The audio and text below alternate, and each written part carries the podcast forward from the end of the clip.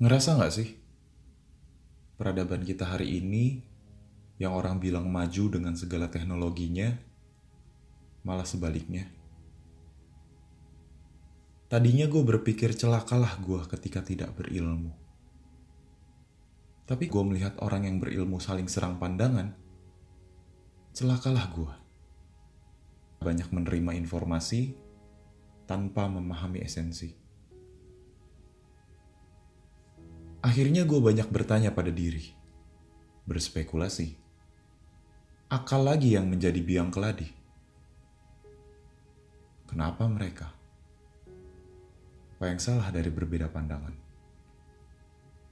Kenapa harus ada yang menang? Ya mungkin gue melihat ini angka 9, tapi di lu kan jadi 6. Kita cuma beda posisi, tapi bukan berarti kita jadi oposisi kan? Bukannya di setiap pemikiran ada sisi benarnya masing-masing. Bukannya ketika kita berilmu itu harusnya meluaskan isi kepala kita agar siap menerima tanpa harus khawatir.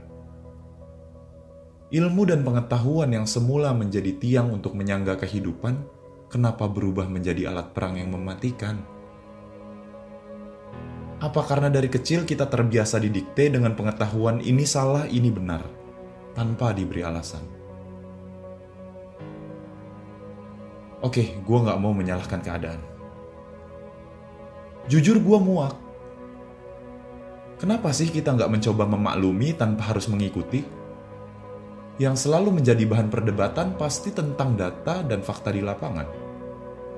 Kebiasaan, pengalaman sama keyakinan yang dipaksakan. Coba kita lihat hari ini. Apa yang gak bisa dimanipulasi oleh teknologi? Apa atas dasar kebencian terhadap kebijaksanaan? Peradaban kita dibangun. Kenapa harus mendewakan kebenaran? Kayak kisah yang pernah menjadi berita di mana-mana, seorang nenek yang mencuri papan kayu untuk bertahan hidup. Lu pasti pernah dengar ini.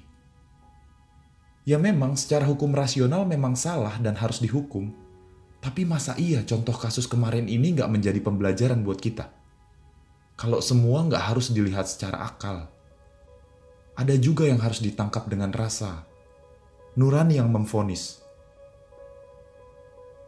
karena terkadang kebenaran memang ideal untuk beberapa orang, tapi nggak bisa disamaratakan. Boleh nggak sih kita punya kesepakatan tentang hukum pribadi, biar bisa bercanda lagi? Kalau dunia dan seisinya yang lu cari, ambil. Gua nggak mau ngerebut itu dari lu. Lalu kalau terciptanya surga hanya pantas buat lu, ambil. Ambillah. Gue cuma mau kedamaian. Nantinya bertemu Tuhan dengan ketentraman.